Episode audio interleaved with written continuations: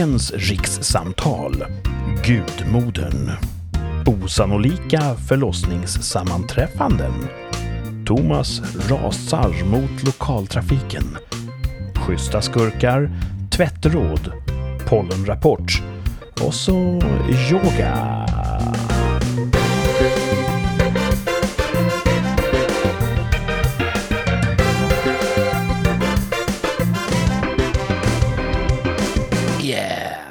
Rikssamtal är tillbaka. Avsnitt, vem vet? 32 kanske. Eh, vi försvinner aldrig riktigt.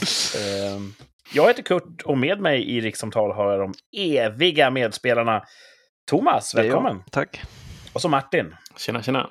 Välkomna tillbaka Tackar. efter ännu en vecka. Och eh, ja, rikssamtal.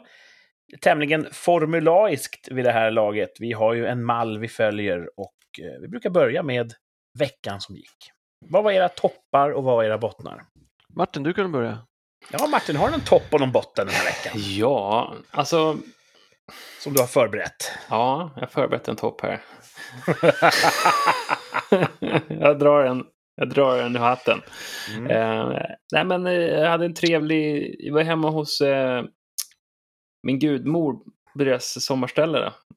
Så vi hjälp, hjälper eh, henne och hennes väninna där som eh, och kratta och fika. Och, eller hjälpte dem inte att fika, men vi fikade. Mm. Eh, ute Lite Ute på landet, ja, lite vårfix. Så det var ju väldigt trevligt att bli. Och de är också svart bälte i kakor, så det är alltid, Mm. alltid trevligt. Och min mor, hon är svart bälte i, i käk och sådär, allt möjligt. Eh, så hon hade tagit med sig gulaschsoppa, så att jag käkade Oh. utomhus där. Det var ju trevligt. Så det var en vet. bra lördag, blev det. Jag har, jag har två följdfrågor. Mm. Eller ja, frågor. Jag har ingen gudmor. Nej, Hur är det att ha en gudmor? Ja, men det är bra. Hon var ehm, barnmorska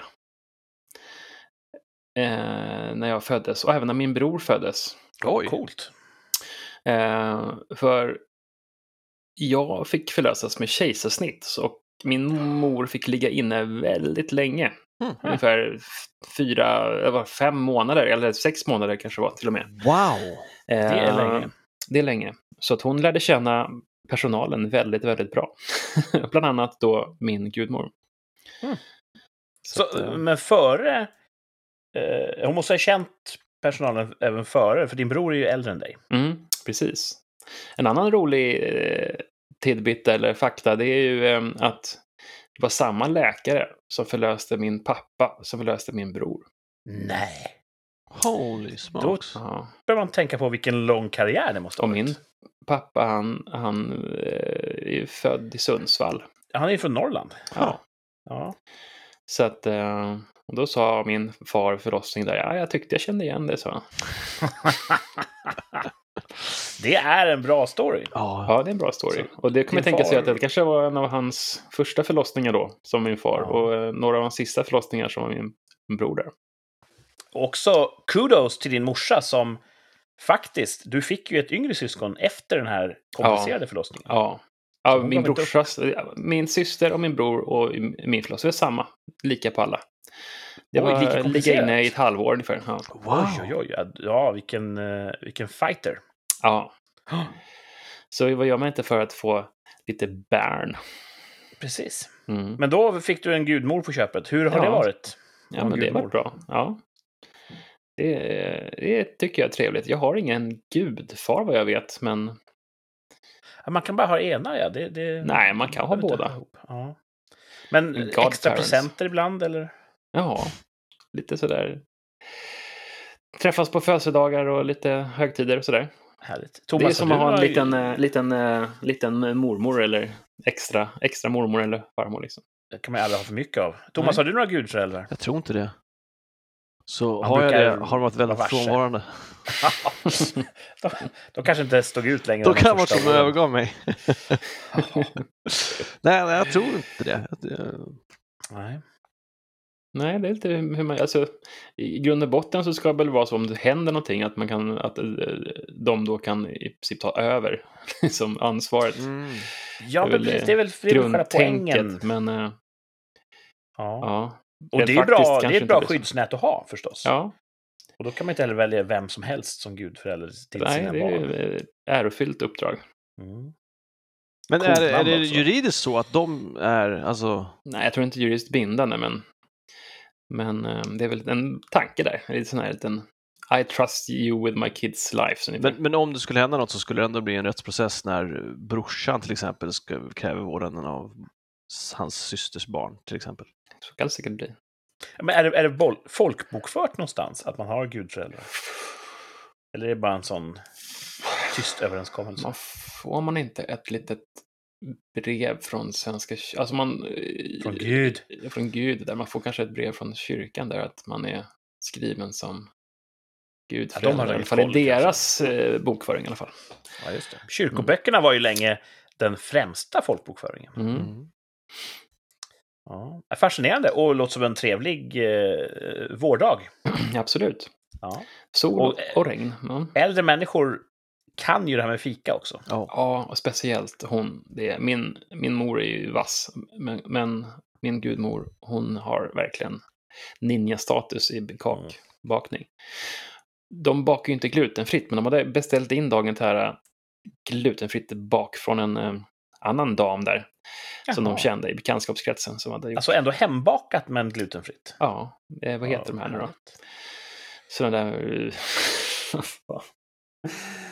ah, såna här... eh, Kubb? Nej, det är som en nötbotten liksom. Så det är fyllning, en Massarin. kräm i och sen så är det eh, choklad på. Ma- massa- Mandelbiskvier. Mandelbiskvier. det. Ja, så heter de. Gott. De är goda. Mm. Och eh, var det någonting dåligt som hände i veckan, Martin? Alltså, jag är trött på vädret. Det börjar väl vända nu. Men Det ska det bli här- jättefint iväg. Det så ska bli jättefint. Jäkla. Ja, det ska bli fint. Ja, ja, men ja, så här, 17 grader och lite regn ska det vara. Jo, imorgon. jo, jo, men tisdag och onsdag kommer vara magiska. men ni har haft det. regn ni också? Ja, det var Ja. så att i, i Ja, lördags morse så var det, det var två grader varmt på morgonen. Och liksom, jag började tröttna på det. Och idag har det regnat hela dagen. I måndags var det också crap, då var det ju regn på Ett- tvärsen. Tittar in en katt här i mitt studiofönster. Oj, live, vad härligt. Ja, han tittar in här. Ja. Det är bra radio. Mm, det här är bra radio. Kan, kan du vrida din kamera så vi får se katten? Nej, då måste vi dela datorn, så det går inte. Ja, det går inte. Ehm, för nytillkomna lyssnare som just nu sitter och fascineras över den här, den här realtidskatten. Rikssamtal bygger på att jag sitter nere i södra Sverige och Thomas Martin är någonstans i mellersta Sverige. Har man lyssnat på alla avsnitt kanske man har lagt ett pussel och hittat exakt fram till dem. Men vi är lite sådär Förra avsnittet till nebulösa. exempel när vi sa det. Men, ja. Men någonstans i mellersta Sverige sitter ni två och eh, jag kan ju då synkronisera. Vi har också haft en regnig vecka. Det har regnat väldigt, väldigt mycket här nere Mm. i södern. Idag var det 20 grader varmt och, och Oh! fint. Mhm, Kanske det som kommer upp då? Jäklar, Ja, det ska vara tryck, det har varit sydliga vindar, så det trycker Ja. säkert upp. 18 grader skulle det vara, 19 grader imorgon. Ja, vi tog några grader och behöll här nere. Okej, det är bra. Så att, eh, ja, fascinerande. Rikssamtal, eh, mycket, inkl- inklusive väder. Pratar. Mm. Ja, jag, jag är kanske lite väderkänslig, men nu känns det som ja, det börjar räcka nu med det här. Du tycker Det att du får det släppa kallaste- vädret, Martin? Kallaste, precis, jag släpper väder. Det kallaste våren på var det 18 år, tror jag. Oh. Intressant. Vi har ju ett, eh, en, en stående programpunkt, Tvärsäkert uttalande, Mm. där vi för många, många avsnitt sedan pratade om huruvida sommaren 2021 blir den varmaste någonsin. Våren verkar inte ha blivit det. Nej. Nej, det känns som kanske- att den bara hånar mig för att jag sa att nu blir det ingen mer snö i år. Det är liksom bara snöat varje vecka sedan, jag, sedan, sedan den tvärsäkra påståendet. Thomas kanske är något på spåren med de här jinx-andarna. Kan vara. Ja, Mm. Och ja, över till Thomas. Hur var din vecka? Två bottnar. Oj, dubbelbottnat. Dubbelbotten. Uh, jag börjar direkt, inget utan omsvep. Uh, Kör. jag åker ofta på morgnarna med en tunnelbana. Mm. Finns i min stad. Den staden där du bor har ett tunnelbanenät. Exakt. och, och den, den nedgång som är närmast mig Mm. är avstängd. Mhm. Och Du tänker då, alltså det knakar här? Vad kan Finns då det nästa fler? vara? nej, det är eh, när jag åker från... eh, jag- Jag, har ju, jag tränar ju före, före Mhm. jobbet, Ja, ja, ja. så då går jag upp Okej. till den andra Mm. eh, tunnelbanan närmast mig. och eh, det, det har jag stört mig ett tag, så jag ska fråga. Så jag frågade i spärren, vad är det för prognos på att den öppnar upp igen? Jag, bara, jag vet inte. Okej, så då ringde jag kundtjänst och sa, vad är det för prognos på att de ska öppna upp? Då ska vi se här, det står att det, det finns ingen prognos. Vad skönt för dem. Jag bara, Slippa känna den pressen. Ja, men jag blir så förbannad. Alltså, det är väl för fan, någon vet ju. De, det måste ju finnas en plan för det där. De har ju leverantörer som säger så här lång tid behöver vi på oss, så här lång tid behöver vi på oss. Någon är ansvarig för projektet, för informationen vidare. Jag hade ju kunnat, eller jag ångrar att jag inte sa, men vem är ansvarig då? Så kan jag få kontaktuppgifter till dem. Då hade de varit tvungna att säga, det får inte vi lämna ut. Och så hade jag bara blivit ännu argare. Men jag tycker att det är så det är så katastrofalt dåligt. Så jag, så jag frågar, Mm. finns det någon prognos på när det finns en prognos? Nej, det gör jag inte heller. Eh, och då frågar jag, hur länge har den varit stängd? Sen 4 december, så över sex månader. Och de vet inte när det är klart. Och det håller Mhm. inte för Sveriges största kollektivtrafikföretag. Nej, precis. Det är det undermåligt. största, ja. Mm. Det är, det är så, så himla kass så att eh, SL kan fara åt fanders. Precis. Det är lite sådär som att eh, vissa kommuner ställer bara ut några koner och gräver ett hål i marken. Så Mm. står det sådär ett, tre, fyra månader. Exakt. Vad fan är det Samma som händer? klass, Vem är liksom. ansvarig? Vad är det som händer? Så, det är lite Och du, ja, arga snickaren över dig just nu. Ja, just nu. eh, Ingen Du plan. har ju en poäng där att även om inte jag personligen åker den sträckan varje dag så det faktum att de inte har en plan Mm. kan ju betyda att det kanske slösas bort mer pengar än de behöver göra. Jaha. För att Mm. underleverantörer som inte har någon, behöver upprätta någon plan, de kanske lägger in några extra dagar här och där. Ja, det är katastrof. Det, är det så känns dåligt, illa skött. Och jag tänker Mm. att någon vet säkert. Bara det att de Mm. inte har vidarebefordrat den informationen till kundtjänst. Och det kan vara okej ifall arbetet ligger på en månad, men när det ligger på ett halvår så får Mm. fan lov att eh, vidarebefordra information. Men... eh, Och nästa nedgång är 200 meter bort, eller hur långt Nej, är jag, det? jag, jag, skulle, jag skulle hinna med en tunnelbana tidigare ifall jag kunde ta den eh, entré jag vill. Just det. För det är ju rätt långt mellan uppgångar. Mm. Och vi ber ju alla lyssnare uppe i, i Arjeplog att ägna Thomas en tanke som de måste gå 200 meter för att ta ett tre minuter senare tåg dit han ska. Det, är, det är en längre kedja än så.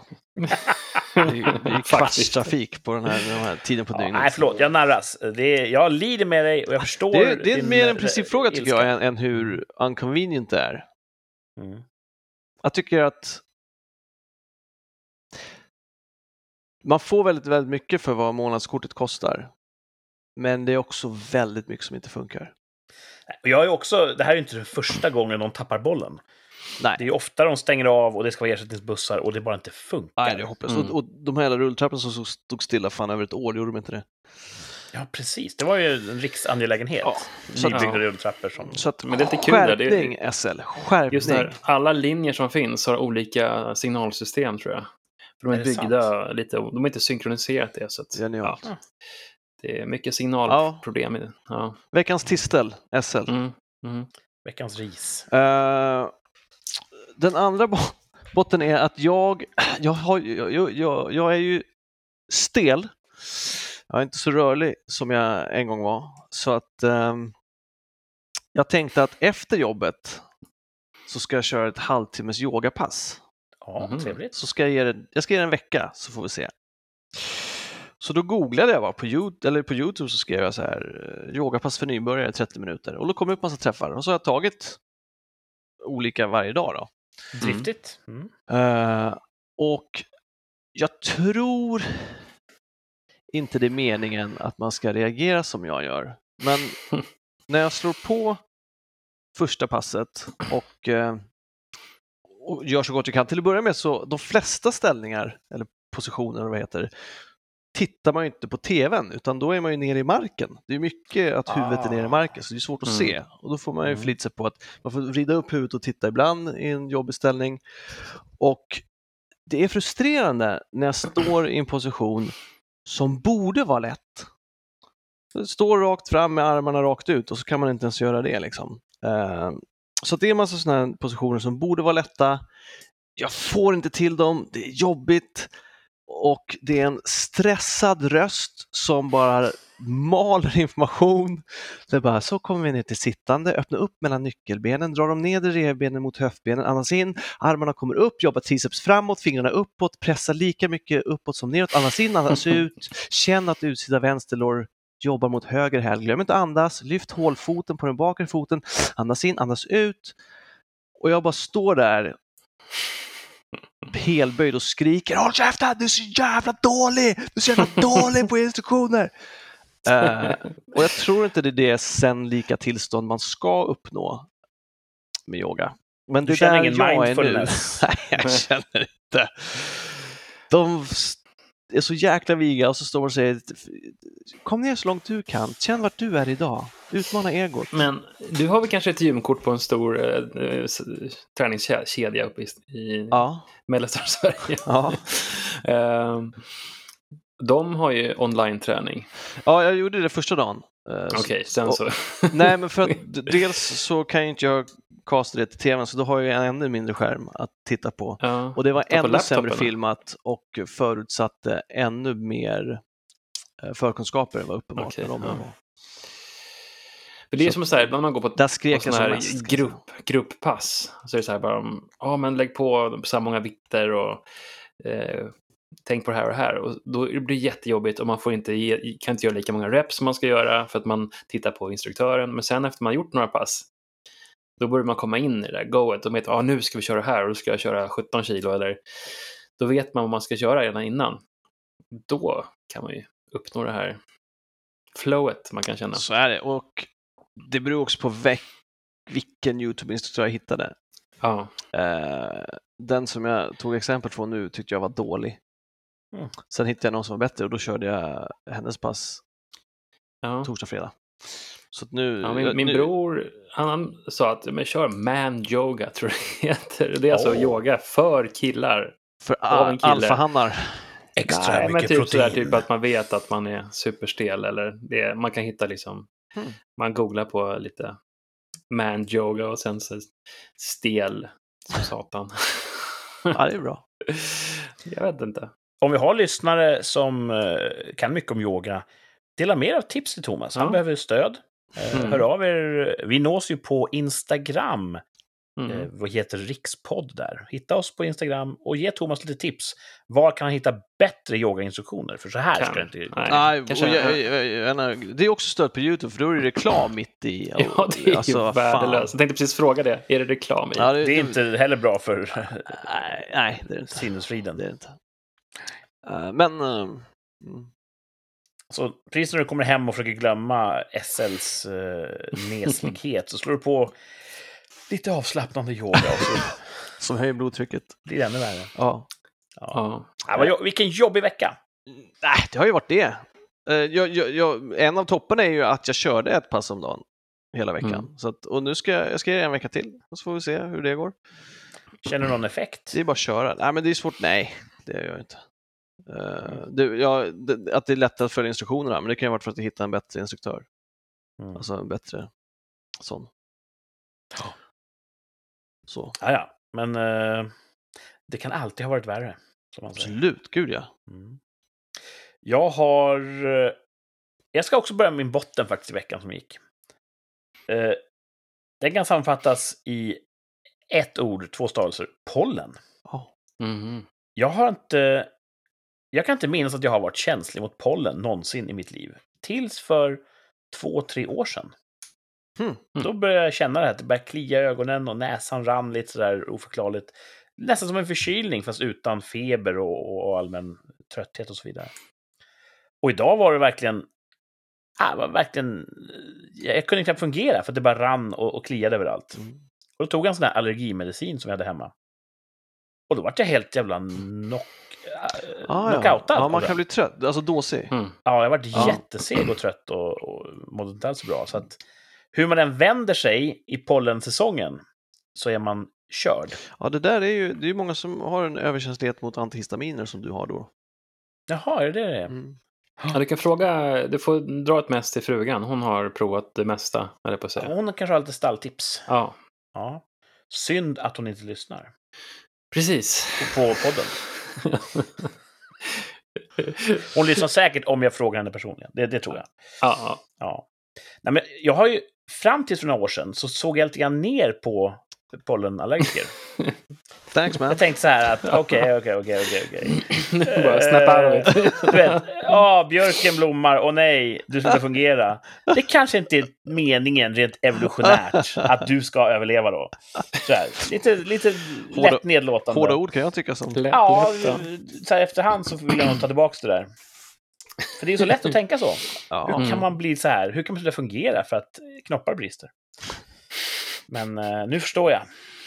Bra. Och jag känner att jag kan berätta för dig, Thomas, om hur jobbigt det är. Tack, vad kul att höra att du...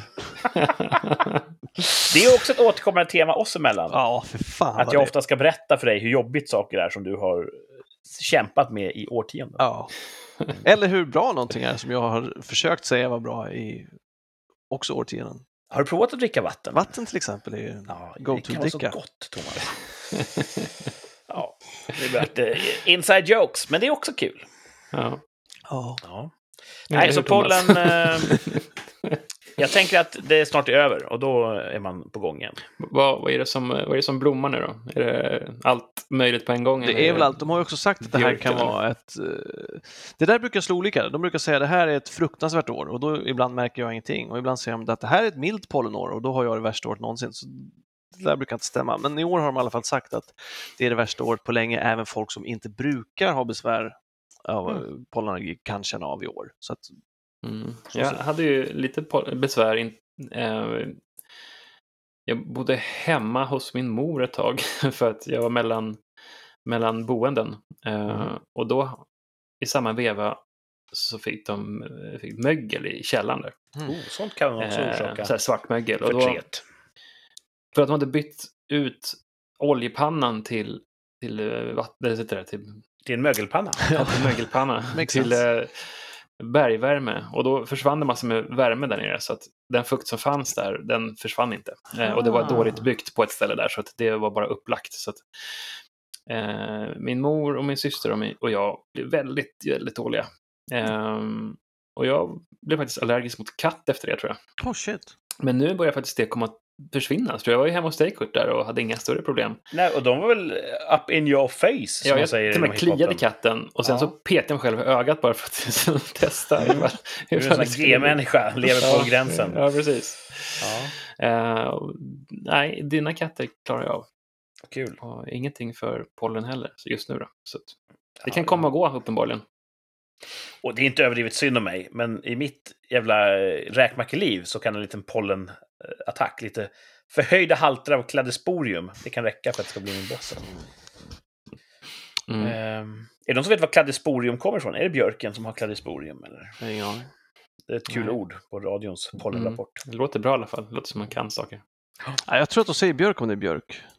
Okej, så kladesporium, det ska jag googla då när vi är klara. Ja. Vad Mm. är kladesporium? Pollen i, i om man kollar på sådana här svep elektronmikroskop så ser jäkligt roliga ut.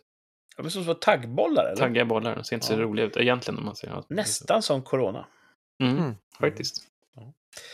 Nog om det, min topp. Nu ska ni få höra. Oj. Åh! Ni vet hur det är man, man tvättar sin, sin tvätt? Det känner ni säkert till. Ja. Mm. Ehm, och då har man ju strumporna som man slänger in i tvättmaskinen. Och sen tar man ut dem och så hänger man upp dem lite huller om buller. Och sen parar man ihop dem. Så gör jag i alla fall. Eh, och gör en liten korv av varje par. Mm. eh, och lägger in dem i strumplådan. Eh, och ibland är det så att man tar en strumpa ur strumplådan och så är det ett hål på en av dem. Och tänker man, åh, jag kan, jag kan inte gå runt med ett hål i strumpan. Och då måste jag bryta ett till par för att få en till som det inte är hål i, så att säga. Så, så tungt kan det vara ibland.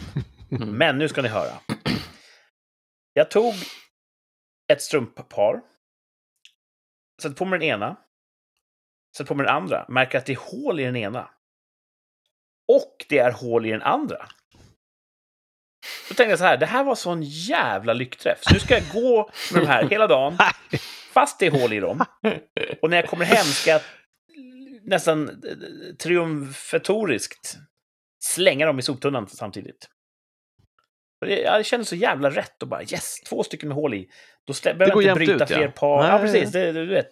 Men, det, är finns alltså, men man du sa att man vill ju inte eh, ha en strumpa med hål i, men då valde du ändå att hedra de här strumporna med en sista marsch innan. Ja. För du hade ju kunnat byta ut dem mot ett, ett nytt par utan... Fru Fortuna log mot mig. Då ville jag på något sätt eh, ära det. Ja, jag Med att förstår. bära dem hela dagen. Fint. Har, du- har du liksom, hur är din process där när det är bara strumpor? Har du, är alla specifika, liksom unika eller har du, du har Jag köpt kanske ju, 40 eh, stycken par med svarta strumpor som du kan para ihop dem hejvilt?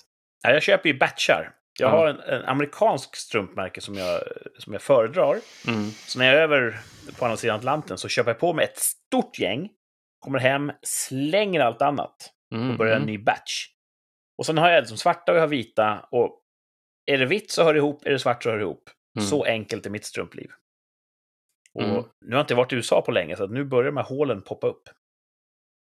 Så- Ja, det är lurigt det där. Jag har så här en vild blandning så att det verkligen måste stå och para ihop strumpa för strumpa i princip. Kolla liksom högst upp och... Ja, det är helvete. Jag hade det förut, tills jag insåg att jag måste hjälpa mig själv här. Jag Mm. måste bara eh, rensa upp, eh, destruera, utrota och sen bygga upp på nytt. Mm. Och det har hjälpt mig otroligt mycket. Jag har ju samma sorts par, men jag vill ändå para ihop rätt med rätt. De slits Så ju ändå olika, man drar Ja. dem lite olika sådär, så att de blir lite olika långa, så då parar jag ihop dem efter längd. Okej. Jag har ju såna här eh, Ikea-bläckfiskar eh, som man hänger i tvättlinan med massor med krokar på, eller som massor med nypor på. Mm. De är jäkligt smidiga att hänga upp strumpor i. Så jag sorterar dem liksom redan från i blött tillstånd. Jag sorterar ju både tre tjejers strumpor och mina egna. What a man, what a man, what Det a blir man, lätt- man, what a man. Lätt liggande som man bara låter det ligga i en tvättkorg. Ja. Torkade alltså. Ja, det är ett av, av eh, livets alla, alla mödor, Mm. att hantera strumpor. Men jag fick en, en jackpot. Ja, grattis! Ja, grattis. Tack, ja, det är tack. mycket lyckat. Det var min topp den här veckan. Mycket annat bra hände också, men ingenting nådde riktigt ända upp i den. Nej, det är svårt alltså. Vi nämnde i korthet här innan vi drog igång det här eh, tvärsäkert uttalande. Ja, just det. Det är ju en stående programpunkt där vi väljer en företeelse som kommer att ske eh, inom ett år. Det har inte hänt än, det finns inget utfall ännu, men det kommer att ske inom ett år. Och sen uttalar vi oss tvärsäkert om det, ja eller nej. Ingen osäkerhet, inget kanske. Och sen stämmer vi av. Efter maximalt ett år fick vi rätt. Mm. Och jag har suttit och gått igenom vår bokföring här eh, under förmiddagen och vi har faktiskt tre stycken tvärsäkra Oj. uttalanden vi ska ta och Revidera. stämma av. Oj, oj, oj. Mm. Vi börjar med eh, den 3 oktober förra året. Kommer ni ihåg vad vi pratade om då? Ja, ja, men säg du. Ehm, då ställer vi oss den här frågan. Kommer 2021 bli coronafritt? Ja. Jag skrattar redan nu, för vi har ju ett facit. Ja. Fast 2021 inte är slut än. Mm. Då när vi var i oktober 2020 så tänkte man så här, ja men... Så som jag la upp frågan, ja visst, det kan vara så att folk är lite småsjuka, men kommer vi, kommer vi liksom att associera 2021 som ett coronaår? Och eh, det trodde jag. Jag svarade ja på den. Ja, det kommer jag ihåg att du gjorde. Mm. Jag var fullkomligt säker på att det kommer vara coronafritt 2021. De kommer ha löst det här, Tegnell och grabbarna.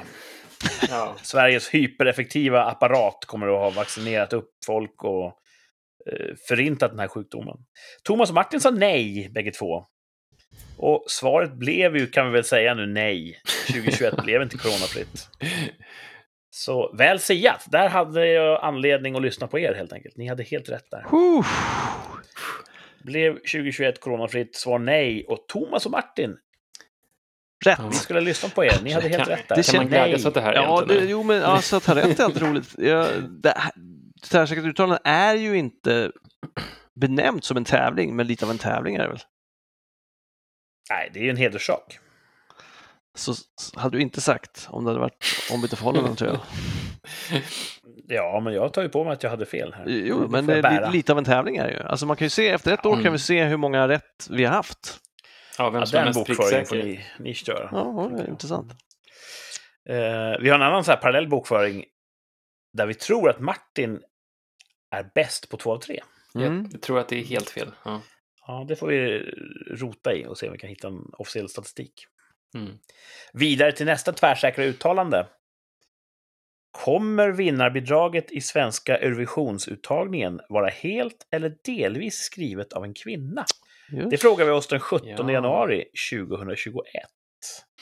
Och vi frågade med anledning av en regeländring i tävlingen. Mm. Där eh, det var på tal att man var tvungen att ha en kvinna med i skrivteamet för att ens få vara med.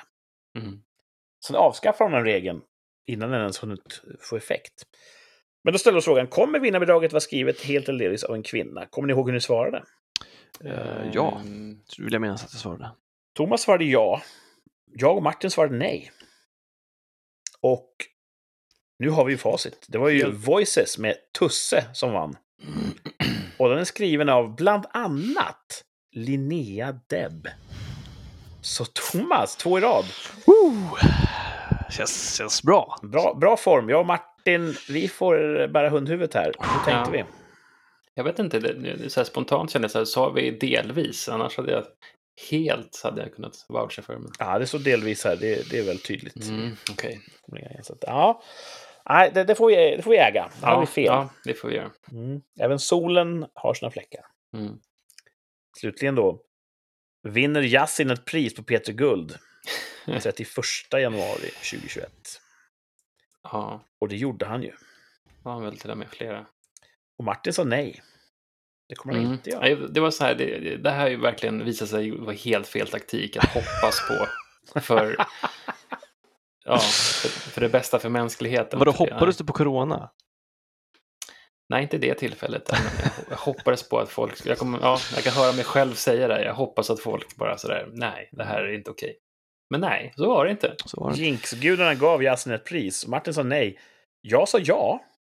Hurra för mig. Och Thomas sa ja. Yes! Så tre av tre. Mm. Tre av tre! Woo! Jag åkte, på, åkte in till stan idag för att träffa svärföräldrarna. Eh, och då åkte jag förbi en bropelare där det stod klottrat någonting Yasin. Och jag, jag hann inte läsa allt. Jag får kolla det nästa gång. Om det stod så här Free Yasin eller liksom... Fängsla Yasin kanske. Ja, det, precis. Det var vilka- Einar som hade skrivit. Fängsla Yasin. Ja, det är sant. Precis. Mm. Einar skriver, det är sånt som händer. Oh. precis. Nej, så där, nu har vi gjort, Kul. eh, gjort upp Mm. räkenskaperna här och det låter ju som att Thomas är den man ska lyssna på när det gäller Mm. framtidsförutsägelser. Han är Saida. förutsägelser. Ja, det vore kul. och Jag ska, ja, kul. Du har Ja. ju skrivit, du har ju ett dokument där det står vad vi har sagt, va? Ja, jag- skriver upp allt ni säger. När Du får du, skriva också vilka som har haft rätt också. ja, för in det i dokumentet nu när det Är det? Är det viktigt för er att jag gör det? Mm. Ja. ja, jag lägger det på min lista över saker att göra. Nej, men alltså, nu, nu när, du, när du kollar det, som nu till exempel, så kan man väl klicka i det. Mm. Rätt, rätt, fel. Fel, fel, rätt. Precis, Jag får sätta mig och säljas och, sen. jag Liksom. får sätta mig och, och, och, och, bygga upp en sån struktur. kan, Jag ska hitta tiden men du kan skicka det där dokumentet till mig så kan jag göra det. Ja, Ja, dela nej, det. nej, inte ska Det är lugnt. Jo, fan, gör det. Ja. Det är lugnt. Ja, men absolut, vi ska... Det här och två av tre. Mm. Får Vi kan ju paketera det här och sälja det liksom. Det är så här eh, 071-nummer, vad heter det nu för tiden?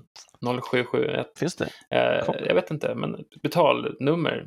Var, ring in och få din framtidspodd av Thomas. Ja, det är en bra programpunkt. Mm. Ja, men seriöst, alltså ringa in är svårt. Vi har inte den teknologin. Men skriv till oss på Instagram, rikspodd.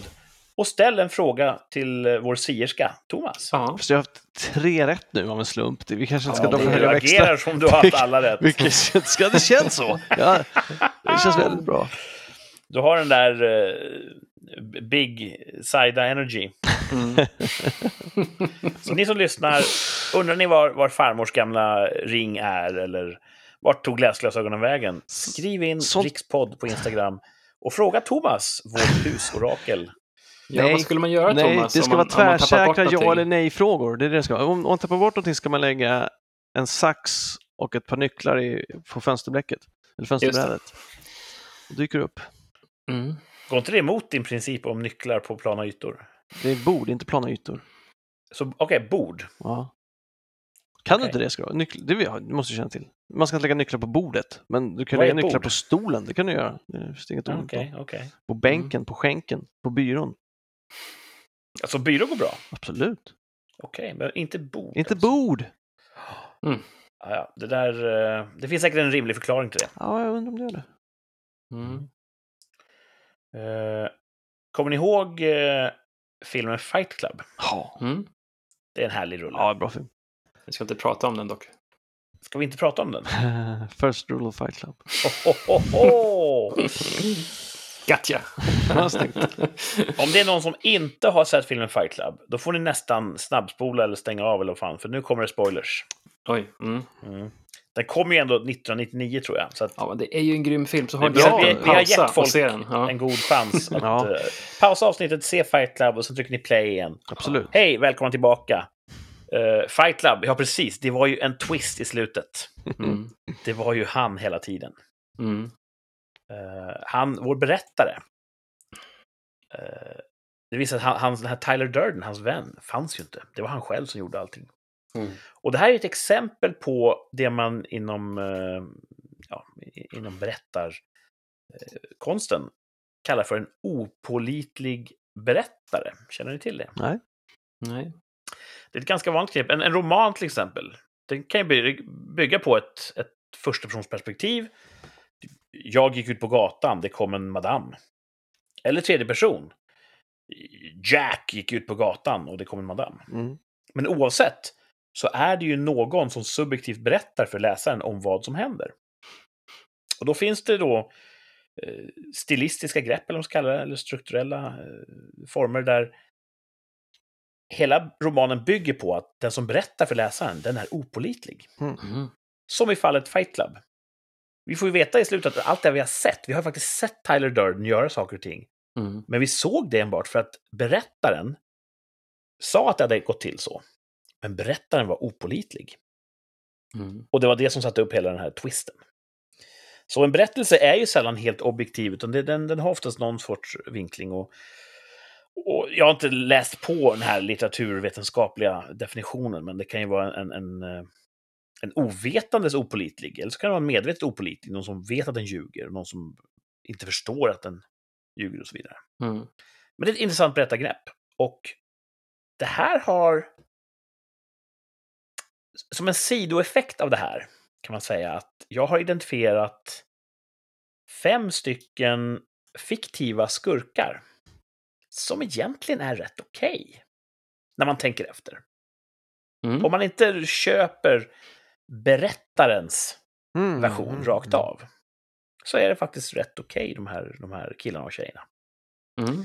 Och när man har fem av någonting, vad gör man då? Jo, man sätter ihop en topp Topp fem-lista.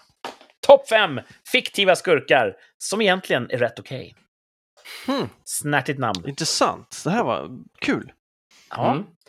Och som alltid, topp fem, det kan vara rangordnat, ibland är det inte det. Det spelar inte stor roll. Och associerar man till någon annan så ska man inte säga det, för det kan vara nästa på listan. Ja, precis. Vi tar frågorna i slutet.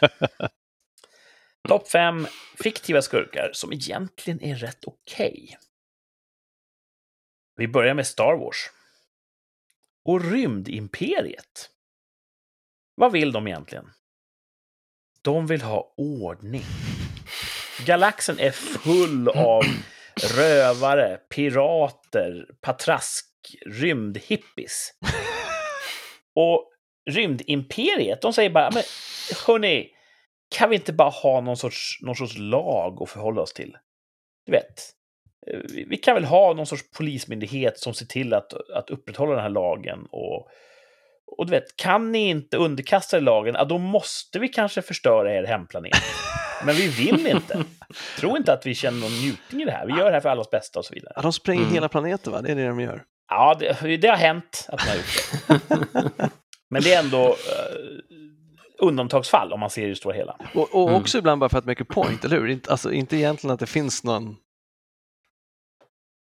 Ja, ibland måste man ju prova en ny rymdstation. Ja. Mm.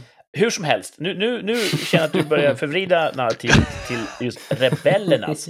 För det är ju de som har berättat sagan om Star Wars för Det är ju deras historia man har hört. Mm. Så är det. Ja. Mm. Och det skulle säkert bli en mustig historia om Isis fick berätta sitt perspektiv. och hur det dumma imperiet kom och sabba deras jihadism. Liksom. Men det är just det, vi har bara hört rebellernas historia och då tar vi förstås rebellernas sida. Men jag tycker Mm. att när man tar ett steg tillbaka och funderar på vad tycker jag själv om? Tycker jag om hippies och laglöshet? Eller tycker jag om ordning och reda och, och, och, och rätt ska vara rätt? Ja, Mm. då är det nog det senare. Rymdimperiet är nog faktiskt min, min sida. Wow, oj. Ja. Ja, ja. Ja. Mm. Ni håller inte med? Eh, Jag har inte tänkt på det lika mycket som du har, eh, men i- jag är ju för en hög moral. Eh, Men jag tycker nog att Imperiet ger ett eh, ganska ondsint intryck.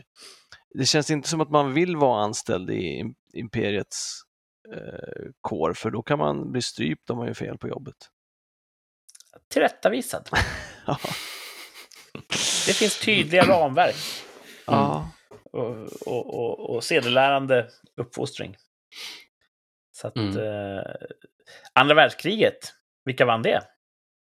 De allierade. Ja, visst gjorde de det. Och vet du vad de gjorde? Helt regelvidrigt så brandbombade de civila städer i Tyskland mot slutet av andra världskriget. Ja, just det. Resten va?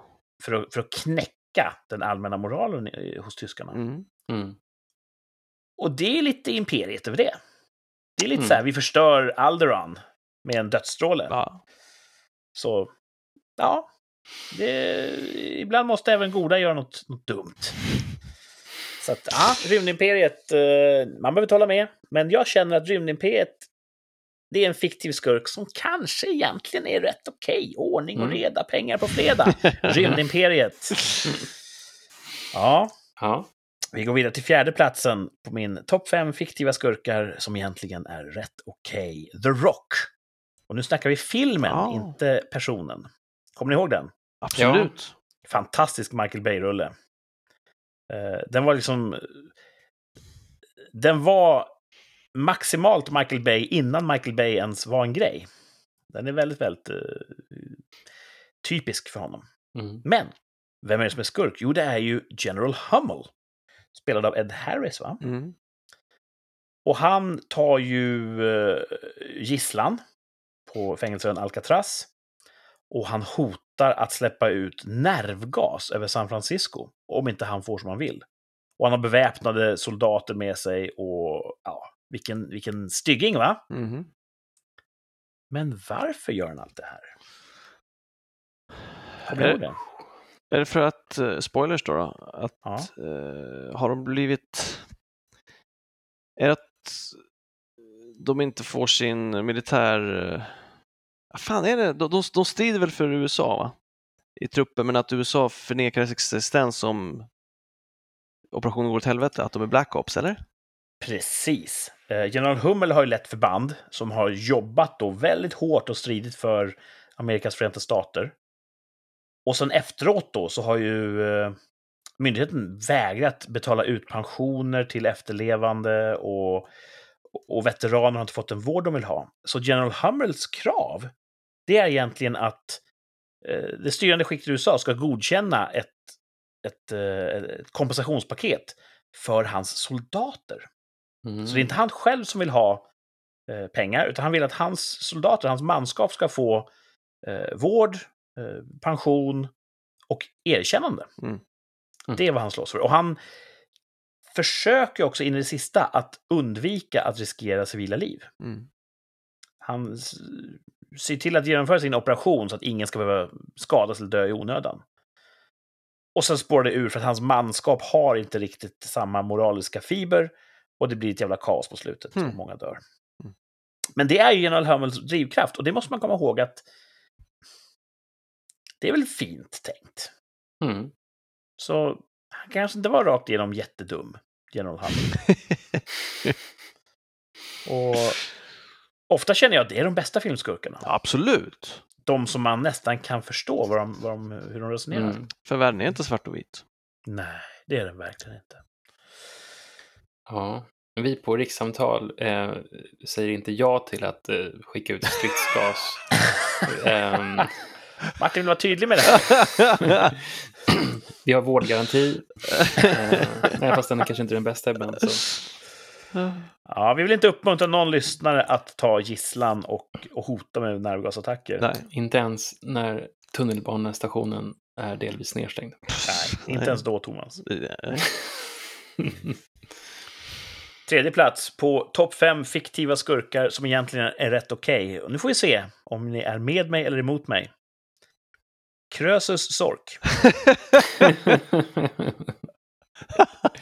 Vad har ni för relation till Krösus? Jag har ju en annan kompis som brukar ta det som exempel. Eh, Ja.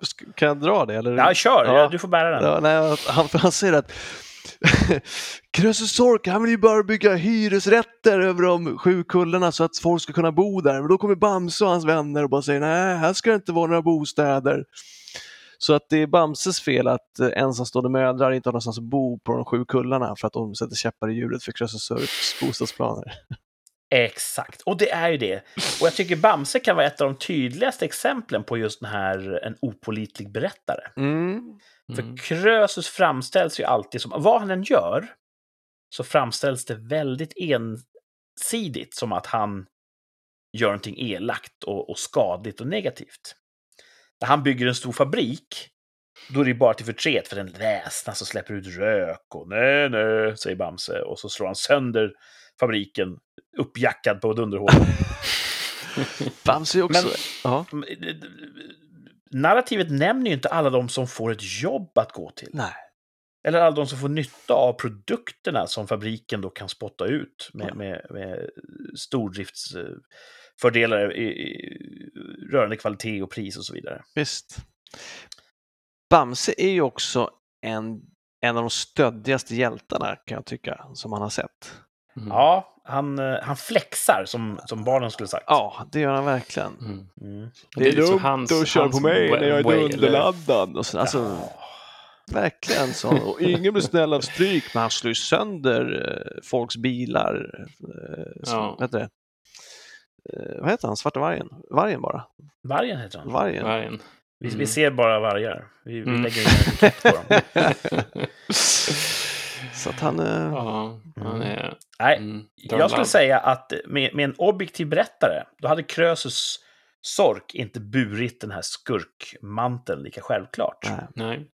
Eh, och som du säger själv att eh, mycket av det som Bamse sätter P för, det är ju en sån här not in my backyard mentalitet. Att ja, jag, jag ska lägga en motorväg här så att hedliga sorkar och råttor och kaniner kan ta sig till jobbet snabbare och spendera mer tid med sina barn. Ja. Nej, nej. För här, just här ska det vara en grön jävla kulle i all evighet. Bestämmer Bamse enväldigt och stoppar. Han kastar upp bulldozen i luften. Ha, ha, så kan det gå, sa Bamse. Och ja, Han är ju Bamse är ju vad- hur man själv skulle vara om man var så stark. Man skulle helt godtyckligt bara följa sin egen moral och göra det med, man... med stor kraft kommer stort ansvar. Det har inte Bamse riktigt tagit till sig. Ja. Nej, Bamse är ingen entreprenör direkt. Och Krösus försöker bara vet, med, med kapitalismen som vapen göra de sju kullarna till en bättre plats. Ja. Så ja, jag känner ändå med och för Krösus Sork. Mm. Och sen målas han ju, han tecknas ju alltid med de här, de här giriga ögonbrynen, den här Mm. elaka. Mm. Det är väldigt tydligt i barn, eh, barnproduktioner vem som är ond och vem som är god. För de som är onda har alltså de här onda ögonbrynen. Ja. Och jag kom på idag, jag har försökt så här, har jag, någonsin, har jag någonsin onda ögonbryn? Nej, det är en väldigt onaturlig eh, ett, ett onaturligt uttryck att ta. Inte ens när jag vill någon illa så har jag sådär eh, filmskurksögonbryn. Så det känns som Krösus har inte fått en fair, eh, ett, ett rättvist porträtterande. Nej. Två stycken kvar på min topp fem fiktiva skurkar som egentligen är rätt okej. Jag säger så här, mycket bra topplista so far. Ja, mm, Mm. två kvar. Se om ni fortsatt, fortsatt håller med då. Jag tror att jag har Thomas med mig på andra platsen. För då snackar vi Edward R. Rooney. Och det kanske inte säger någonting. Men jag säger att det är han som är dekanus i Ferris Bueller's Day Off. Vad heter den? Fira med Ferris? Ja, Ja, så heter den på Ja. svenska. Om du skulle sammanfatta filmen, Thomas, vad handlar den om? Då är det ju en, en slacker som heter Ferris Mm. som bestämmer sig för att skolka från skolan och Mm. iscensätter ett avancerat trick där han sjukanmäler sig. Eh, och sen så hämtar han också ut sin tjej och bästis från skolan tror jag, så att de ska kunna ha en ledig dag och tjoa Mm. och bara laja runt. Precis. Snor farsans bil. Precis, och det, filmen är ju hans, hans dag när han har roliga äventyr istället för att gå i Mm. skolan. Ja. Och hans, eh, hans antagonist är ju då Ed Rooney. Någon sorts eh, rektorsgestalt på den här skolan. som Han framställs som en, en, en neslig byråkrat som bara vill hindra Ferris och hans vänner från att ha kul. Men han blir ständigt, så att säga, eh, motarbetad. Frånsprungen. Och, ja, precis. Och jag tror att den slutar med att han blir verkligen förnedrad och, och får bära hundhuvudet. Ja. Han misslyckas med att Sätta, sätta dit Ferris helt enkelt. Hurra, vad kul! Den, den glada partykillen kom undan med sina roliga upptåg. Mm. Men så ser inte jag på det. Ferris är, om ni ursäktar uttrycket, en jävla rövhatt. Otroligt osympatisk. det är han Mm. faktiskt. Om man bortser från att han så att säga, är uppstudsen mot överheten, det behöver man inte alltid tycka är negativt. Men mot sina vänner. Ja. Han, han tar ju då sin kompis pappas bil. ja. Just och kompisen bönar och ber. Nej, nej, du, det här slutar illa, du får inte. Mm. Och han bara kör över kompisens känslor. Absolut. Så kompisens magont verkar inte filmen alls bry sig om. Eh, och det finns fler exempel på hur han bara är ganska osympatisk. Och det kanske var någonting med 80-talet, att det var lite kul att vara osympatisk. Mm. Jag vet faktiskt inte. Men stackars Ed Rooney, han är ju hjälten. Som försöker bara göra sin plikt. Ett barn skolkar och går över gränsen. Jag måste försöka återbörda barnet till skolan. Mm. Det är hans brott, om man ska tro filmen. Mm. Mm. Och jag köper inte att han skulle vara skurk för fem öre. Det är han som är egentligen den stora hjälten. Och Ferris, ah, ingen vidare trevlig prick. Dålig kompis. Ja. Mm. Så Ed Rooney, jag står i din ringhörna. Du borde ha behandlats betydligt bättre än vad filmen Mm. gjorde. Mm. Och nu kan det bli debatt känner jag när vi kommer till första platsen. Spännande. Ja. Det här är en film som kan väcka känslor. Eh, första platsen på topp fem fiktiva skurkar som egentligen är rätt okej. Nu sticker jag ut hakan och säger Ozymandias. Jaha, nej. Ja, absolut. Och en snabb recap då. Watchmen är ju en, ett seriealbum från början som sen gjordes till en film. Här är också spoiler då, ifall folk inte har sett den så. Ja, skynda er att se den. Eh, an- annars kommer spoilern här. Mm. Själva crescendot i berättelsen. Det bygger på att Ozymandias, som är en högintelligent, eh, ja, vad kan man säga, en, en, en benefaktor, en... en, en eh, vad är motsatsen till misantrop? Man är Antrop. en sån som vill göra gott för människor. Han... Eh, filantrop. Just det. Han har bakom kulisserna iscensatt ett eh, enormt stort folkmord egentligen. Ja. Och eh, i slutet förklarar han då för två stycken av berättelsens huvudkaraktärer att ja, jag, du vet, min plan går ut på att ödelägga en stor stad och orsaka miljontals människors död. Och eh, då säger de så här, men du, du, du kan inte göra det här, det, det, det är omoraliskt. Hans motivation är ju att när jag gör det här, då kommer resten av världen att sluta upp kring min uppdiktade yttre fiende. Mm. Och det kommer att ena världen så att de här miljonerna jag offrar, det kommer att skona miljarder. Mm. För vi har en värld full av krig och elände och, och, och vi måste ha en, ett yttre hot, om än påhittat, Mm. för att kunna enas. Så det är hans plan. Och då säger de, du kan inte göra så här, det är omoraliskt. Och då kommer den, den kyligaste jävla repliken i Bad Guy History. Mm. De säger, du, du kan inte spränga en hel stad. Säger han, men tror du verkligen att jag hade berättat det här för er? Om jag trodde att det fanns en chans att ni skulle kunna stoppa mig? Och säger han då, nu tar jag på engelska, I triggered it 35 minutes ago. Ja, det är så bra. Rysningar. Ja, det Ja, jag- han har redan gjort, han har redan säger det alltså. Uff. Det är, en, Det- det är en av världens bästa filmer. Det är en salt jävla skurk. Ja. Och han är ju skurken. ehm, berättelsen är ju lite av en, en modern tragedi i det att eh, vi får kanske inget överlyckligt slut hur vi än vrider och vänder på oss. Den är lite mörk. Men jag vill ju säga att Ozymandias i mångt och mycket han har ju inte fel. Men jag menar att, att han inte, att han också att, att, his, att historien inte tar allt för mycket ställning åt det heller. Visst, alltså, jag tycker att de lämnar det ganska öppet ifall det, han, är inte, han framställs inte lik på samma sätt som Krösus Sork. Nej, absolut, så är det. Det är ju en betydligt vuxnare berättelse. Mm. Med betydligt mycket mer gråskalor. Eh, Jag tror att berättelsen i sig utmålar nog inga hjältar bland protagonisterna, utan alla är, är felbara och egentligen eh, antastliga. Så, Det, är, det är en fruktansvärt bra film och, och den väcker ju frågan, det är ett bra filosofiskt då- moraliskt dilemma att diskutera Ja. just det där. Och även då Ozymandias, om man säger moraliska motpart i det här, det är ju Rorschach, Mm. som också är en fantastisk Åh. karaktär. Ja. Som också tar ett väldigt lovvärt ställningstagande i den här moraliska konflikten. Jag kan känna för honom också. Ja. Eh, men jag ty- tycker ändå att, att uh,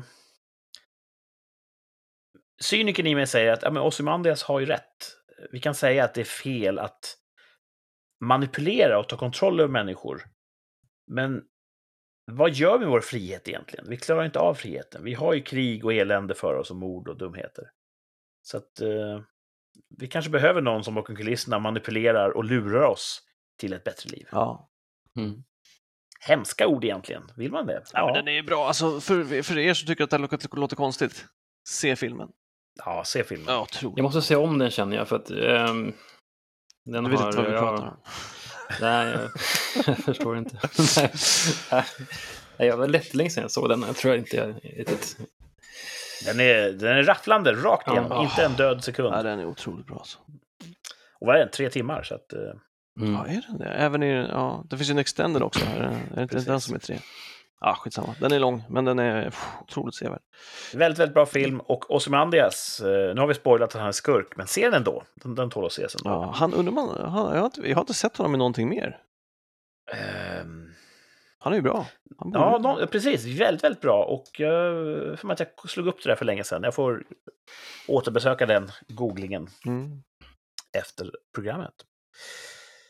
Det var topp fem fiktiva skurkar. Mycket Ja, bra. grymt. Tackar, tackar. Eftertänksamt. Ja. Två andra som eh, hade beef. Det var ju August Strindberg och Werner von Heidenstam. Känner ni till dem? Ja, eller nej, inte nummer två, inte varför de hade beef. Mm. Det var ju författare ungefär samtida, eh, sent 1800-tal, början på 1900-talet. Eh, August hade ju mycket beefer sådär. Han, det började lite grann vänskapligt sådär, men sen så skar det sig. Och mycket av det kan man, mycket av ansvaret kan man lägga hos August själv. Werner von Heidenstam var ganska välvilligt inställd till honom Huh. eh, och skrev brev till honom. Och August svarade väldigt så här avsnoppande och korthugget. Och Werner fortsatte skriva och till slut så slutade bara August att svara. Hmm. Och då hade de beef. Så det, det låg mycket i hans händer tycker jag. Mm. Och Heidenstam, jag har för mig att ett av hans eh, mest använda citat kanske, jag tror att det var han som formulerade Bättre lyss till den sträng som brast än att aldrig spänna en båge. Huh. Och det har säkert sagts på andra sätt genom världshistorien, men eh, jag tror att det var han som formulerade just den Mm. versionen. Mm. Eh, så det var ett citat av Heidenstam. Nu ska vi testa hur bra ni kan Strindberg-citat. Oj. För det är dags för tävlingen två av tre. August Strindberg-citat. Jäklar. Och hör ni hur skitnödig jag låter när jag säger August istället för August? Ja.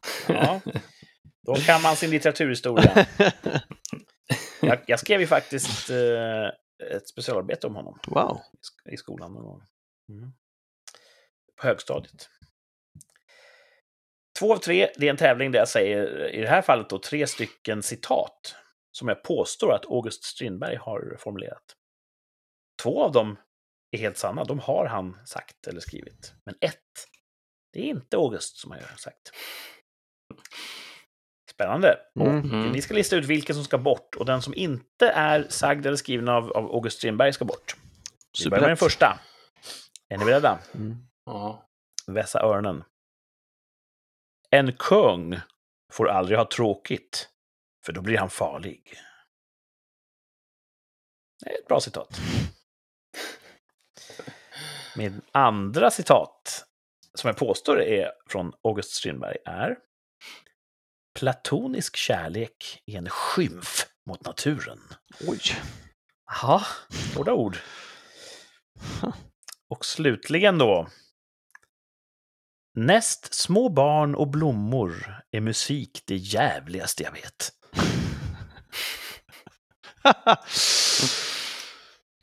Tre citat som alla är, skulle kunna vara August Strindbergs citat. Två av dem är det, en ska bort. Första ska bort. ska bort? Vi börjar med den första igen då, en, en snabb repris. En kung får aldrig ha tråkigt, för då blir han farlig. Platonisk kärlek är en skymf mot naturen. Näst små barn och blommor är musik det jävligaste jag vet. Mm. Jag tror att den första ska bort. Jag också Mhm. faktiskt. Men Jaha, det är också för att citat nummer två låter som ett Kurt-citat och inte som ett Strindberg-citat. Men då ska ju tvåan bort. Eh, jo, jo, eh, men jag tror... jag- jag- Det, känns ändå som, som att han kan ha sagt det, men att, att du verkligen, verkligen, verkligen tycker om det. Jaha, med att jag... eh, Ja, Okej, nu ut- utmålar du mig som en fuckboy här. Absolut inte.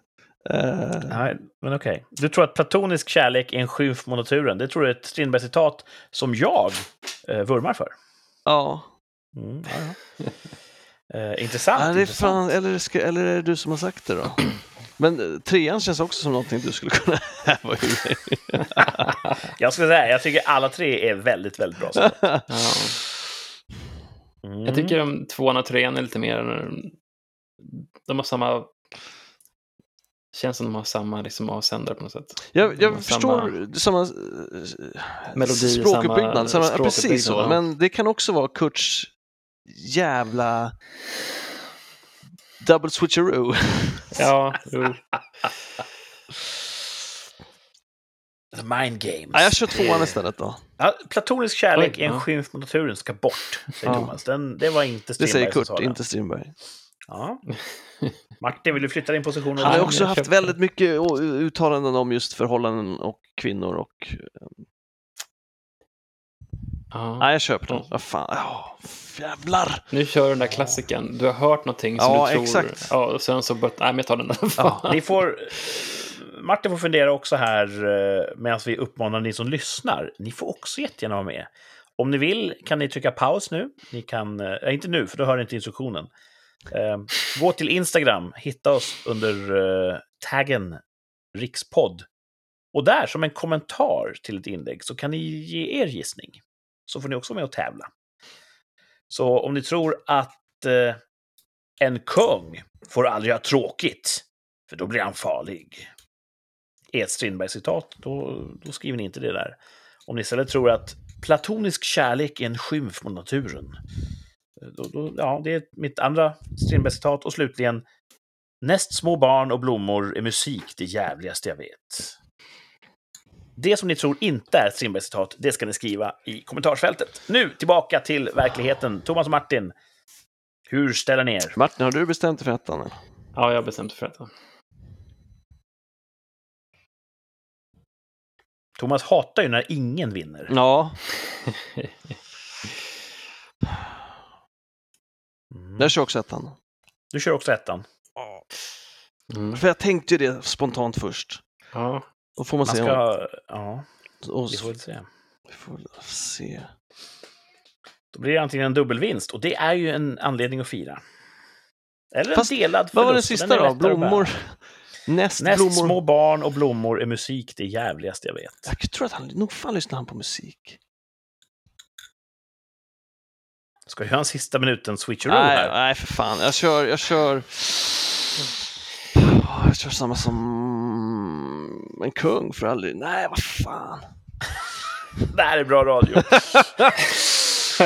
Lyssna på Thomas inre monolog. Ah, Demonerna. Um, Platonens kärlek är en skymf mot naturen. Ja, jag kör en kung för alla tråkigt. Hej och välkommen till vårt längsta avsnitt hittills. kan du dra dem igen bara? Ja, här kommer en sista snabb genomgång. Två av tre August Strindberg-citat. En kung får aldrig ha tråkigt, för då blir han farlig. Platonisk kärlek är en skymf mot naturen. Näst små barn och blommor är musik det jävligaste jag vet. Ett ska bort. Ja, jag kör på ettan då. Ja, det, fan, jag hade ju bestämt mig så, jag hade bestämt mig så fort. Jag hade bestämt Mm. mig efter, innan den som gör sna, första snabbgenomgången. Och Nu börjar- ringer klockan här, då låser vi era svar. Ja, ett, och, ett, ja, ja, eh, ettan. Kung Mm. Näst små barn och blommor är musik det jävligaste jag vet. Det sades faktiskt av August Strindberg. Så än så länge är ni in the race. Jättebra citat tycker jag. För jag kan hålla med om att blommor och små barn... Eh. Musik däremot tycker jag om. Så att, ja. Hur som helst, vasst formulerat tycker jag. Det är skön, skön Han var ju en provokatör. Ja, det var han. Han sa ju mycket för att provocera bara. Och en kung får aldrig ha tråkigt, för då blir han farlig. Det sades av August Strindberg. Är ett Strindberg-citat. Även det är ju faktiskt jättebra. Jag kan se många mellanchefer på jobbet som verkligen är levande Eh, metaforer för just det citatet. Ja. Eh, och platonisk kärlek är en skymf mot naturen. Det är ett kort citat. Nej, Nej, nej. det sa Ellen Key. Jaha. en annan samtida författare som han också hade beef med. Han hade beef med alla, Ja, Strindberg. Ja. Så hon lär ha sagt då, platonisk kärlek är en skymf mot naturen. Hmm. Och jag tror att just det höll nog August med om. Ja. Men det var hon som sa det. Huh. Så ingen vann den här gången. Men Thomas var ju där och nosade. Ja, jag var där och nosade. Ja. Jaha, det var lurigt. Svårt med Strindberg-citat. Men kul, bra, bra, bra tävling. Ja, vad, Ja. tackar, tackar. Där var jag ute och famlade i, i mörkret kan jag säga. Ja. Nej, som sagt, det är en svår tävling. Ja. De gånger jag sitter på andra sidan bordet så är det ju nästan omöjligt. Mm. Om man hamnar i de här metatankarna, hur tänker egentligen spelledaren? ja. ja. Utav de här tre, är något, något som ni kände resonerade extra bra med er? Något favoritcitat av de tre? Ja, den första är ju att eh, man ska akta sig för folk med makt som får tid över, Mm. som blir rastlösa. Så är det tror jag, Mm. tror jag på. ja, det är nog bra. Jag har ju väldigt mycket platoniska förhållanden. Du är ju Mr Platon. Mr Friendzone. Ja. Men jag tror vi alla tre tycker om musik, så att det tredje Ja, där, där tar vi lite grann eh, Håller vi inte med. milt avstånd från. Mm. Mm. Där håller vi med Vi- två av tre. Två av tre håller vi med. ja, perfekt. Det är en annan programpunkt kanske för framtiden. Blommor och barn håller vi med om att det är Cass musik. Mm. Det är jazz. Vi eh, har mjölkat det här avsnittet bra vad gäller tid, så vi ska ta och runda av strax. Eh, men inte utan ytterligare ett tvärsäkert uttalande. Eh, nu får du rätta mig om jag har fel, det här kanske redan är klart, men jag tror inte det. Men vi har pratat tidigare om din, din kärlek för arbete. Ja, Mm. Du älskar att gå till jobbet. Ja. Jobbar så mycket du kan och så mycket du får. ja, Eh, Jobbar till och med mer än man ska. ja. Du bygger upp en övertidsbank. ja. Och eh, Du har ju tidigare nämnt ett, ett återvärt tak du gärna skulle slå i. Du vill kunna komma tillbaka en dag och så säger folk så här, du kan du jobba över tid? Tyvärr, jag får inte enligt lagen är jag förbjuden. Mm. För jag har slagit i mitt tak. Det är en ambition du har. Ja. Kommer Thomas slå i sitt övertidstak i år? Oj! Tvärsäkert uttalande. Vad Thomas, vill du börja? detta? Vad innebär det att slå i taket? Så här- Alltså i rent timmar? Ja, jag, jag, jag har hört olika. Först så hörde jag att det, är, att det är 200 timmar som är taket. Sen så var det någon som sa att det är 150 timmar, sen måste de begära dispens. Få, av någon, inte vet jag vem, facket kanske, men jag är inte med där så att jag vet inte. Kungen. Ja, på något sätt. Men, och då hörde jag så att det är 150 timmar, så det är 150 eller 200. Ska vi säga att det är 150 då? Alltså- när, när taket är nått så märker du det. Då får du inte ta fler. Jo, men ifall vi ska kunna gissa nu, om vi, eller gissa, om vi ska vara tvärsäkra nu så är det ju intressant ifall jag har eh, 50 timmar kvar eller om jag har 100 timmar kvar innan jag är uppe i taket. Ja, men bara ett av dem är väl ett tak, eller? Jo, men är- om vi inte vet vad taket är så är det Fast jag svårt. tänker så här, om du är 150, så säger jag så här, ja, vi skulle jobba över tid. Vi ska bara fylla in en lapp först. Då är ju inte taket nått. Så jag säger taket måste gå vid 200 då, när du inte får ens med kungens eh, godkännande jobba vidare. Okej, då är taket Mm. 200. Mm. Jag skriver en notis här i frågeformuleringen. 200 skriver jag i en parentes. Så. Thomas, ja eller nej?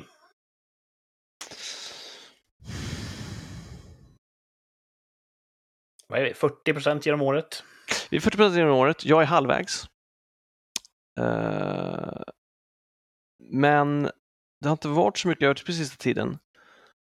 De börjar anställa mer folk. Eh, det är lite materialbrist, så att det kanske inte finns jobb. Alltså vi kanske inte kan jobba för att vi inte har pry- prylar. Är det Suezkanalen? Ja, det är bland annat det faktiskt. Eh, men jag säger ja ändå. Thomas säger ja. Det här är ju guidande för oss två kan jag säga. Men alltså, Mm. så du, du får alltså hun- 200 timmar på din tidbank? Ja, jag får Eller- max 200 timmar övertid Alltså, ja. på ett år. har, eller... Okej, men om du kan du ta ut, du kan inte göra någonting med de här övertidstimmarna utan... Nej, det är andra saker. Jag har ju redan Ja. en massa komptimmar som jag tar ut, Okej. men det blir inte minus på de här timmarna för det. Nej, okej. Mm. Utan de timmarna, det, det är ju, man får inte jobba mer enligt På lag ett år får du ha max 200 övertidstimmar Ja. registrerade. Så, så Mm. även, även om du, du tar ut det i komp på ledighet så får du inte överstiga 200 timmar Okej. totalt. Hos oss. Vad tror du Martin? Men om, men om, men om 150 då, om de söker dispens och inte får det, då, då är det taket. Då är det bara 50 timmar kvar. Det är ju fan gjort på en kvart. Det är det Ja. inte. Det är gjort på 50 timmar. Men... Ja, jag tror jag når upp i det oavsett. Hur mycket hade du nu sa du? 100? Ja. Ehm, ja, men jag, jag, det- jag är faktiskt lite... Jag är inte helt säker, men jag säger väl ja också. Sjukt tvärsäkert uttalande. Ja, jag säger väl ja. Mm. Jag, jag tycker det är svårt. ja. Det är mer upp till företaget än till mig kan jag tycka. Alltså, så Ja, så om, kan det, det vara. om det finns Ja. timmar så kommer jag ju ta dem, men det kanske inte finns timmar. Det kan också vara så att de förbjuder mig att jobba övertid. För att Mm. vi vet inte hur det ser ut i oktober eller vi vet inte hur det ser ut i november. Då- vill vi kunna använda dig. Och så kanske det inte krisar i november och då kommer, kan jag inte komma upp i de timmarna. Så det är mycket sånt som spelar in också. Mycket kan ju hända. Ja. Och det här är ett sånt fall där du brukar opponera dig mot att, att eh, en av oss har kontroll över utfallet. Mm. Och du kan helt enkelt, om någon av oss säger ja, då kan du bara sitta på arslet, så blir det nej. Men nu har du själv tagit en ja-position, vilket gör att... eh, ja, Ja, Jag kommer ju jobba så, så mycket jag kan och får. ja. Mm. Och sen är frågan, får du det? Finns det jobb att Exakt. utföra? Det är, ingenting är säkert i Nej, denna värld. nej. Ehm, jag vill säga nej, Varför det? mest för att vara lite så här edgy. Men jag kan inte det, för jag är så himla övertygad om att du kommer slå i ditt övertidstak. Så jag säger ja. Trippel-ja på den! Woo! Du har folkets förtroende. Och framförallt, jag kan ju inte gå emot Saida. Nu är det bara jobbet som kan sätta käppar i hjulet för mig. Tror att de lyssnar. Nej. Det här är bra. Eh, Kurt, har du några övertimmar eller det bara ingår i din tjänst? Ja, min övertid är bortförhandlad, som det heter. Ja, så jag det. får en extra Mm. semestervecka istället. det är det sämsta Mm. man kan göra tror jag. Ah, jag trivs rätt bra. Okej, bra. Och jag har ju ett sånt jobb där jag inte riktigt så här stämplar in och stämplar ut. Nej, Nej. Det har man väl inte när man har Ja, just det. eh, inte, ingen övertid? Nej, det har har man inte alltid, eh, även om man har det. Nej, nej, precis. Men, eh, jag jobbar ju ibland faktiskt väldigt hårt, tror eller ej. Sena nätter och, och tidiga morgnar och långa dagar. Ja, men precis, det jag tänkte på. Men jag brukar ju så att säga justera det i farten så att jag tar en sovmorgon här och där. Ja, bra. Mm. Jag tror, för min erfarenhet är att så fort företaget säger att du skulle inte skulle vilja ha sån här förtroendetid. Då tänker man, ja vad bra, det skulle ju funka bra. Och så fort man tackar ja, då ökar arbetsbelastningen nog enormt. Så att man bara, åh nej, det här förlorade jag ju på. Men, Jag ifall, att... eh, men om du har möjlighet att, att, att styra det mer, så att ibland är det mer och då får du jobba mer och ibland är det mindre och då är det helt okej. Då är det ju en bra deal. Jag jobbar säkert... Jag är ju lat av naturen, jag tror det går jämnt upp. En, en normal person hade nog jobbat för mycket under de här förutsättningarna, men jag är så lat så att det går nog precis plus minus noll. Mm. Jag tror jag ligger på 100% med mitt hårdaste. Det är perfekt. Så ska det vara. Men, jag tror eh, inte du är inte lat. Jag har förstått att ibland på sådana här vuxen dating-sajter, det är mest vuxna som har jag efter. Då är det en del som formulerar eh, en viss aktivitet som mys. Ja. Tänker jag så här, ett annat ord som skulle kunna vara lika så här avtändande, det är ju så här förtroendetid. ja. Jag söker dig som vill eh, ta långa promenader, äta goda middagar och kanske ha lite förtroendetid i slutet. ja. ja. Men du har inte sprungit på den formuleringen? Nej, mys och bus. Oj! Eh, Det är som dagiset Snöflingan. ja. Vuxenkramas slänger jag mig ibland, lite ironiskt. Ja, det är ju väldigt ironiskt hoppas jag. Ja. Mm. Det är sån här eh, horisontal mambo. Mm, Alltså, det är mm. lite, ja. Men ja, inget, ingen förtroendetid. Vill du prova den? Vill du slänga in den och se om den kan få, få, få vingar? Nej. Nej. Din, din, din lycka är ingenting man, man latchar med. Även om du vill. Det är, Ja, jag försöker. det är Jag gott försöker. att försöka testa det här. Du är min lilla kraschtestdocka. Ja, men vi får se. Mm. Alltså, ju mer tiden går, desto mer riskbenägen blir man ju att bara skitsamma, jag provar det här. Så jag ska, det kanske kommer, men jag ska prova lite olika taktiker. Se. Mm. Det är bra. Kombinera dating och riskbenägenhet. Det är framgångskoncept. Så Jag återkommer. hon har en heroinspruta i ena armen. Hon har ju inte någon i den andra. allt, allt för podden. Ja. Mm. Eh, gott så. Vi eh, får se här vad som händer i veckan som kommer. För det här avsnittet är strax slut. Vad har ni att se fram emot? Hur mycket jag än tycker om att arbeta så är det en kort vecka. Det ser jag fram emot. Ja, det är någon sorts är det Kristers himmelsfärd Det är vad det är. som Mm. kommer här i veckan. Ja. Exakt så. Kort vecka. Eh, ingenting kul inplanerat i den här långledigheten som uppstår. Ja, vi ska vara hundvakt. Mm. Det är kul. Jag ska försöka riskdata lite då, se hur det går. Det är ja, smart. det låter kul. Det ska vara fint väder, det är att, mycket eh, trevligare, det är lättare då liksom. Såna här långhelger, framförallt Kristers himmelsfärd, brukar ju vara totalt uppbokade av de som har familj. Jaha, och- vad gör man då? då? Ja, men du vet, så här, då, det är då man ska göra alla de här, eh, åka och hälsa på eh, faster och moster och Okej. göra saker tillsammans, umgås. Så jag kan tänka mig att singlar är extra lekfulla den här helgen för att de är, så här, de är kvar i stan. Kanske så. Mm. Det är ju lite, det som sätter lite käppar i hjulet också är ju corona. Det, jag är inte... Träffar jag någon så försöker jag att det ska bli en promenad och sådär så att man inte sätter sig på någon trång lokal med massa jävla människor och. Så att Det är munskydd på hela Ja, det är lite, det, det, det blir en blöt filt över hela situationen. Men eh, Mm. vi får se. Men ta en risk, slit av munskyddet. Kanske gör det. Mm. Vad kul. Eh, kanske få en, en rapport nästa vecka. Kanske. Jag är ju ingen som, jag är en gentleman, I don't kiss and tell. Nej, det är synd, men det ska vi kanske kunna lirka loss någonting. ja. Ja. Jag, eh, jag tror att min hjärna har börjat sluta fungera. Jag har så dåligt minne bakåt i tiden. Men bra framåt. Nej, det, det är ännu sämre. Jag kan inte komma på vad jag ska göra i veckan som kommer. Jag har totalt ingenting att se fram emot eller någon sån här. Hmm. Det, det är säkert jättemycket grejer som är på gång, men jag kommer bara inte på det nu. All right. Mm. Jag får börja skriva upp det, det också som eh, i mitt lilla ark här. Så att, eh, just nu har jag ingenting att bjuda på. Kort vecka, if you say so. Jag antar att, du vet, när jag kommer till jobbet på fredag så är ingen där. Så kan det vara. Jag får gå hem då. Men det blir säkert bra ändå. Det händer alltid festliga saker i mitt liv. Det är torsdag som är röda dagen. Mm. En del jobbar ju på fredag som vanligt, en del har squeeze day då. Ja, Jag tror vi, vi, vi Mm. klämmer den. Mm. Mm. Så det blir nog härligt. Ni ska inte komma ner då? Lång helg? Shit. Ehm, ja. Slänger i bilen och, och kör ner. Ja, Det vore något. får kolla resor. Ja. Jag står här med öppna armar. Du vet ju inte vad ni ska göra, ni kanske är uppplanerade. Du sa ju det, familjer är... Nej, det är jag som bestämmer så. ja. Men eh, det kan vara så att min fru lyssnar på det här imorgon bitti brukar hon ta en promenad. Mm. Så att eh, senast då får vi väl rättning på, på den planen. ja, det är bra. Mm. Så du kan ko- bör- börja kolla resor. Bo boka ingenting. Och ni som eh, lyssnar, hur gärna vi än skulle vilja träffa er allihopa över Kristi himmelsfärdshelgen, så är det inte möjligt rent logistiskt. Och framförallt inte i coronatider. Men vi ser fram emot att eh, ni får höra oss igen om exakt en vecka då det här äventyret som är rikssamtal fortsätter. Tills dess får eh, ni där hemma ha det så bra och ni, Martin och Thomas, får också ha en fantastisk vecka. Tack detsamma. Tack för Tack idag. detsamma. Ha det Slut för idag. Ha det bra. Ciao. Hej då.